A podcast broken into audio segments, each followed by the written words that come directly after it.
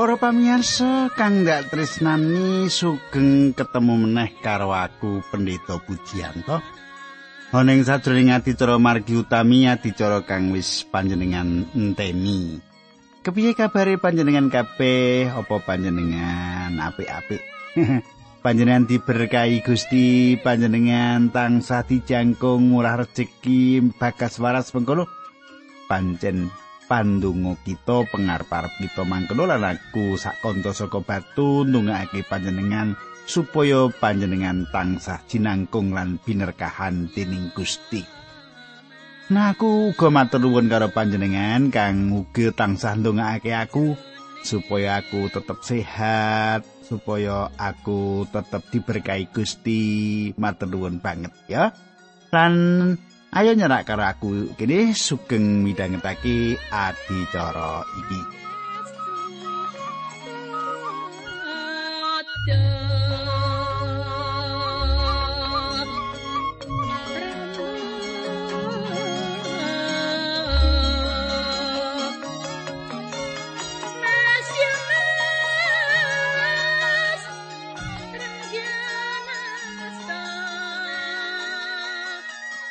Sumitraku kang ndak tresnani panjenengan mestine isih kelingan apa kang aturake ana ing patemon kita kepungkur.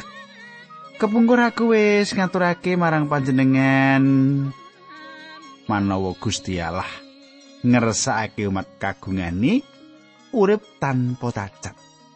Gusti Allah ngersakake umat kagungane urip kang tanpa cacat. Napa panjenengan ya wis nindakake mengkono urip panjenengan ing saben dinane tanpa cacat? Panjenengan ngati-ati supaya ing ngandikan laku jantraning urip panjenengan ora cacat. Panjenengan ora kacacat. Panjenengan apik lan panjenengan tansah dadi keparenge Gusti Allah. Nah ketengku panjenengan tak dereake nerusake apa kang wis tak aturake ana ing patemon kita kepungkur. Nanging sadurunge tak terusake ayo kita ndedonga dhisik. Duh Kanjeng Rama ingkang adidampar wonten kraton ing kasuwargan. Kawula ngaturaken kuing panuwun menawi wekdal menika kawula saged tetunggilan kalian sederek-sederek kawula. Kawula saged sinau saking pangandikan paduka.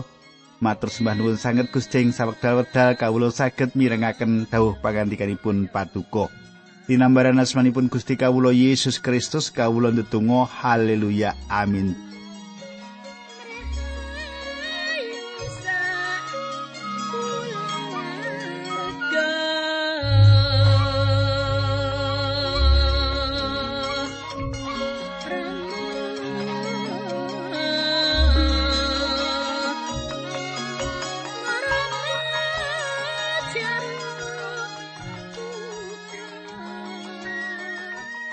Katengku kang tak tresnani pasinaon kita saiki wis ngancik ing kitab pengandaring Torat bab 18. Kita wis ngancik pengandaring Torat bab 18 lan diterusake ya kuwi ayat 15. Tak wiwiti ayat 15, saiki tak wacake nganti ayat 17. Ing basa pedinan lho katengku ya. Malah panjenengane bakal ngutus saka ing tengahmu nabi kaya aku iki lan nabi kuwi sing kudu kok estokake. Ing dina nalikane kowe padha nglumpuk ing Gunung Sinai, kowe padha nyuwun supaya ora susah krungu suarane Allah kang ngendika lan ndeleng panjenengane ana ing geni sing mulat-mulat merga kowe padha wedi. Merga saka kuwi Gusti Allah ngendika karo aku panyuwune kuwi becik. Sumitraku kang ndak tresnani wong-wong Israel kudu ngrungokake marang wejangane para nabi Allah. Kenapa? Awit para nabi mratelakake kayekten marang wong Israel. Yaiku kang dadi alasan kang utama. Nanging alasan kang kapindho yaiku nyawisake wong-wong Israel supaya ngrungokake utusan pungkasan. Supaya ngrungokake utusan pungkasan nabi pungkasan yaiku sapa Gusti Yesus Kristus. Ana wong kang isin nakokake kenapa Gusti Allah ora meratelakake sarani ing jaman saiki? Ana ing sajroning pribadi Gusti Yesus Kristus, Gusti Allah maringi tondo titik ing pungkasane ukara. Gusti Allah maringi tondo titik ing pungkasane ukara. Gusti Allah ora kagungan meneh tembung-tembung kanggo dingendikake marang jagat kajaba apa kang wis dingendikake ing sakjroning Gusti Yesus Kristus. Kita kudu ngrungokake apa kang dingendikake Gusti Yesus Nalika Gusti Yesus diluhurake ing sanduwuring gunung Gusti Allah Sang Rama ngendika, "Iki putraku kinasih sing gawe renaning penggalihku padha rungokno." Panjenengan bisa semak Matius 17 ayat 5. Kanggo wong percaya jaman saiki, Gusti Yesus Kristus sawijining pratela pungkasan. Sawijining pratela wutuh. Lan pratela kuwi mligine marang manungsa. Ya iki kang dipratelake Musa ing sajroning kitab pangandaring Torat. Nah, panjenengan kepiye? Apa panjenengan uga mirengake dawuh pangandikane Gusti? Apa panjenengan malah mbalilo ora mirengake dawuh pangandikane Gusti? Ah, nang niku rada males kok, Pak, aras-arasen. Loh, kepiye to kok aras-arasen iki? gitu. Nek saras-arasen jiwa rohani panjenengan niku nandang kaluwen. Nek nandang kaluwen gampang nesu, gampang kebrongot, gampang manut swara-swara sing tundone nyilakake panjenengan. Saiki tak teruske ayat 18 nganti 19. aku bakal ngutus saka ing tengahing bangsa iki nabi kaya kuwi. Musa nabi sing bakal ndak dawi ngucapake apa sing kudu diucapake lan sing bakal nerusake marang bangsa Israel sakai perkara sing ndak dawuhake. Nabi mau bakal caturan kaya sing ndak kersake lan aku bakal ngukum saben wong sing ora nurut marang dheweke. Mengkono pangandikane Gusti. Katangku, Panjenengan isi kelingan Gusti Yesus ngendika makaping-kaping yen pangandikan kang dingendikake iku pangandikane Allah Sang Rama. Sawise tugas leladine ing bumi rampung, Gusti Yesus ngaturake donga syafaat minangka jejere Imam Agung. Panjenengane ngaturake pelaporan kang pungkasan marang Sang Rama. Kawula sampun ngluhuraken asma paduka wonten ing donya menika. Sarta kawula sampun ngrampungaken pedamelan ingkang paduka bebahaken dhateng kawula. Kawula sampun nyariosaken dhateng tiang-tiang menika pawartos ingkang paduka paringaken dhateng kawula lan tiang-tiang wau inggih sampun sami pitados. Tiang-tiang wau mangertos saestu bilih asal kawula menika saking paduka lan bilih paduka ingkang ngutus kawula. Yohanes 17 ayat 4 lan 8 Kadangku menawa Gusti Allah kudu ngendika saka swarga ing jaman saiki. Panjenengane ora bakal ngendika apa-apa kang durung tau dingendikake. Gusti Allah mung bakal mbaleni apa kang wis dingendikake awit kabeh kang bakal dingendikake panjenengane marang panjenengan lan aku ana ing sajroning pribadi Sang Kristus. Kadangku ya iku sebabe kita kudu ninggalake ilmu nujum utawa astrologi. Palintangan yo, panjen wis dadi wateke manungsa kang kepengin naliti, kang ora dingerteni supaya ngerti apa kang bakal dumadi ing uripe. Ana pepinginan kang ora tau ngrasakake kalegan kanggo mbuktekake prakara kang kebak wadi. Wong pengin ngerti masa depan kang kebak wadi, ya to? Ana apa sejatine kahanan kang bakal kelakon besok kuwi? Apa kang ana ing masa depan kuwi? Kabeh kepengin ngerti. Rak mengkono to? Wong kepengin ngerti kang bakal kelakon. Wong kepengin ngerti masa depan. Kang arep dilakoni yaiku sawijining lawang kang katutup. Angenan bisa uga nuntun panjenengan bali ing jaman kang kepungkur nanging ora ana sarana kang bisa nuntun panjenengan marang jaman kang bakal dilakoni. Kadangku kanggo nglegakake perkara-perkara kang ora bisa gawe lega iki muncul ing golongan kang manembah brahala apa kang dijenengake spiritualis. tukang rama apa kang bakal kelakon lan wong-wong suci. Gusti Allah ngilingake marang umat kagungane bakal tekane wong-wong iki. Iki kabeh ana gegayutane karo pangibadah marang Brahala lan asal usule saka si iblis. Apa bisa wong-wong mau nyaritakake jaman kang bakal kelakon utawa nyaritakake masa depan? Yo, bisa uga ana pase ing sawijining lelakon. Nanging mangsa kang bakal kelakon yaiku sawijining perangan kang ora tau dikuasani dening manungsa. Mung Gusti Allah piyambak kang bisa njangka mangsa kang bakal kelakon lan mangsa kang bakal kelakon kuwi kagungane panjenengane. Ciri mligi saka pangandikane Gusti yaiku pangandikan iku makarya nglewati jaman saiki. Bukti kang gedhe dhewe kang ndak deleng yen kitab suci iku pangandikane Gusti ya kitab suci kuwi panggenepane pamedar wangsit. Seperapat saka isi kitab suci sawijining pamedar wangsit nalika ditulis lan saperangan gedhe isine wis digenepi. Gusti Allah wis nyerat pamedar wangsit. Pamedar wangsit kegayutan kutha-kutha lan bangsa-bangsa lan kerajaan-kerajaan gedhe donya ana kene. Nabi palsu duwe pepinginan pangkat lan kalungguhan nabi Allah kang sejati. Kepiye Israel nyelametake awake saka wulangan nabi palsu. Gusti Allah maringi sawijining pandadaran kang bisa yakinake apa wong iku bener nabi sejati apa nabi palsu. Kadangku, ana nabi-nabi palsu makarya ing tengah-tengah umat Israel lan iku cetha bisa kita deleng emane Israel ora gelem ngetrapake pepakon-pepakon kang diparingake dening Gusti Allah. Kanthi mengkono umat Israel iki bisa ngerti tekane nabi-nabi palsu. Yeremia 14 ayat 14 nulis. Yeremia 14 ayat 14 nulis. Nanging pangeran paring wangsulan. Para nabi padha medhar wangsit palsu nganggo asmaku. Aku ora ngutus nabi-nabi mau. Aku ora paring dawuh apa-apa ya ora weling ngucapake tembung sak kecap.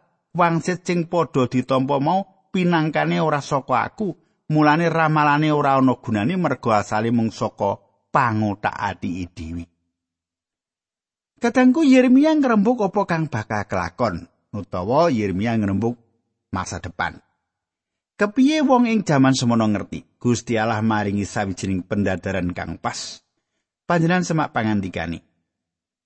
Bab 18 ayat 30 nganti 22 pangandaring Torat. Nanging yen ana nabi sing wani ngucapake wangsit atas asmaku, mongko ora ndak dawi bakal kepatrapan paukuman pati mergo saka penggawene mau. Mengkono uga bakal kapatrapan hukum pati saben nabi sing ngucapake wangsit atas jenenge Brahala-brahala. Kepiye bisa ngerti yen sawijining nabi kuwi utusane Allah apa dudu? Yen nabi mau ngucapake wangsit atas asmane Allah, monggo apa sing dikandhake mau ora kelakon wangsite kuwi ora saka Allah. Enggone ngucapake wangsit mung atas jenenge dhewe mulane kowe ora susah wedi karo wong kuwi. Kadangku Yesaya iku nabi Allah. Nabi Allah kang sejati. Kepiye kita bisa ngerti Nabi Yesaya medhar wangsit yen ana prawan kang bakal ngandut lan nglairake bayi lanang. Yesaya kan dicetha nyebutake rawi laire uripe malah sedane Gusti Yesus. Pendadaran kanggo para nabi yaiku para nabi mau kudu menehi sawijining kegambaran kegayutan kahanan sawijining daerah kang bakal dumati lan iku kudu bener-bener pas. Para nabi ora bisa nindakake kaluputan senadyan mung setitik kegayutan pamedar wangsiti. Yen ora pas bab apa wae bakal inggal mbatalake yen wong-wong mau minangka nabine Allah kang sejati. Yesaya medhar wangsit gegayutan perawan kang nglairake lan saiki kita bisa nyemak 1900 tahun kepungkur marang panggenepane lan ngerti yen pamedhar wangsit kuwi pas. Nanging kepiye wong ing jamane ngerti? Wong-wong bisa ngerti awit Yesaya ngadep marang Raja Hizkia gegayutan karo sawijining pamedhar wangsit kang ngandhakake bab apa kang bakal dumati nalika iku. Ana sak bergodo prajurit asur kang lagi ngepung kutha nanging Yesaya kondo yen ora ana panah siji wae kang mlebu ing kutha wong asur iki wis nelokake bangsa-bangsa liya lan banjur asur bakal nelokake Yerusalem lan nggawa bangsa Israel menyang pambuangan. Yesaya kondo marang bangsa Israel yen Gusti Allah wis ngendika gegayutan perkara iku. Coba wacake telung puluh pitu, bab telung puluh pitu ayat telung puluh papat nganti telung puluh lima. Sanherib bakal bali metu dalan sing diambah dek nalika tekani tanpa mlebu kutha Yerusalem. Aku pangeran sing ngendika sebab aku sing bakal njogo lan ngayomi kutha kuwi demi padalemanku lan janjiku marang abdiku Daud. Panjenengan semak kabeh prajurit Asur duwe gendewa lan panah. Panjenengan bisa uga duwe pikiran yen bisa wae salah siji saka antarane prajurit Asur kuwi kang mentang gendewane lan nglepasake panahe nganti nembus salah sijine wong. Menawa dumadi mengkono mula Yesaya bakal kelangan kalungguhane minangka jejering nabi Allah kang bener. Yaiku kang dadi salah siji pendadaran kang kasil kang dilakoni dening Yesaya. Sawijining nabi kang bener kudu 100% bener. Kadangku kepiye ing jaman saiki? kepiye ing jaman saiki. Pandadaran iki bakal nyingkirake saben wong jaman saiki kang ngaku-ngaku dadi nabi kang jongko apa kang bakal dumadi ing jaman kang bakal kelakon. Bisa uga saperangan wong-wong mau bisa menehi panjongko kang pas. Nanging luwih asring wong-wong mau salah anggone jongko. Kita tau krungu wong-wong kang ngandhakake bab dina kiamat kang bakal teka ing dina kang wis ditemtokake. Kapulunge pesamuan ing dina kang wis katemtokake lan isih akeh kang liya. Menawa kita ngetrapake pendadaran kang diparingake Allah gegayutan para nabi kang ngaku-ngaku nabi mau, wong-wong mau bakal kelangan kalungguhane embuh hinggal-hinggal utawa rada sauntara. Wong kang dadi nabi sejati kudu pas ing sadroning medar wangsit. Cetha Nanging kadangku apa panjenengan ngerti yen ora ana pemut gegayutan nabi-nabi palsu kanggo gereja ing jaman saiki? Kenapa? Awit ora ana pamedar wangsit kang kudu dipratelakake. Samu barang wis kababar ing sakjroning Gusti Yesus Kristus lan ing sakjroning pangandikani. Pemut kanggone kita ora saiki, ora marang nabi palsu nanging marang para juru mulang kang palsu. Coba tak wacake loro Petrus loro ajiji yo. Loro Petrus bab loro ajiji mengkini kaya diri biyen nabi-nabi palsu padha jumedul ning antarané mate Gusti Allah. Mengkono besok bakal ana guru-guru palsu padha jumedul ing antaramu. Kadangku pemut marang kita kita yaiku ngrungokake kanthi teliti ing jaman saiki awit ana akeh swara kang kepenak lan nglipur kang keprungu banget. Dening banget ngabekti Gusti Allah. Nanging ora mulangake pangandikane Gusti Allah.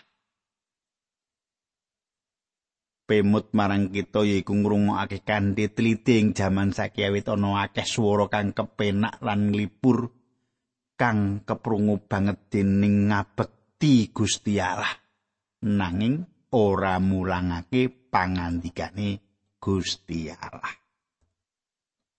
Ketoke kaya suci. Omong-omongane rohani. ya, ning ora medharake sabdane Gusti Allah medharake apa kang ana ing jerone atine. Cetha ya, kadang ya ngati-ati saiki guru-guru palsu akeh. sing digoleki ora jiwa panjenengan supaya selamat ning duit panjenengan sing digoleki. Nah, katengku saiki ngancik ing pangandaring Torat bab 19. Nyawisake kutha-kutha pangungsen kanggo ngayomi marang hak-hak deduwean lan jejegake disiplin ing sajroning jejegake angger-angger Torat meratelake sepisan maneh kaya ngopo Gusti Allah anggone nggateke wong-wong kang ora dosa. Tak wacake bab 19 ayat siji nganti papat.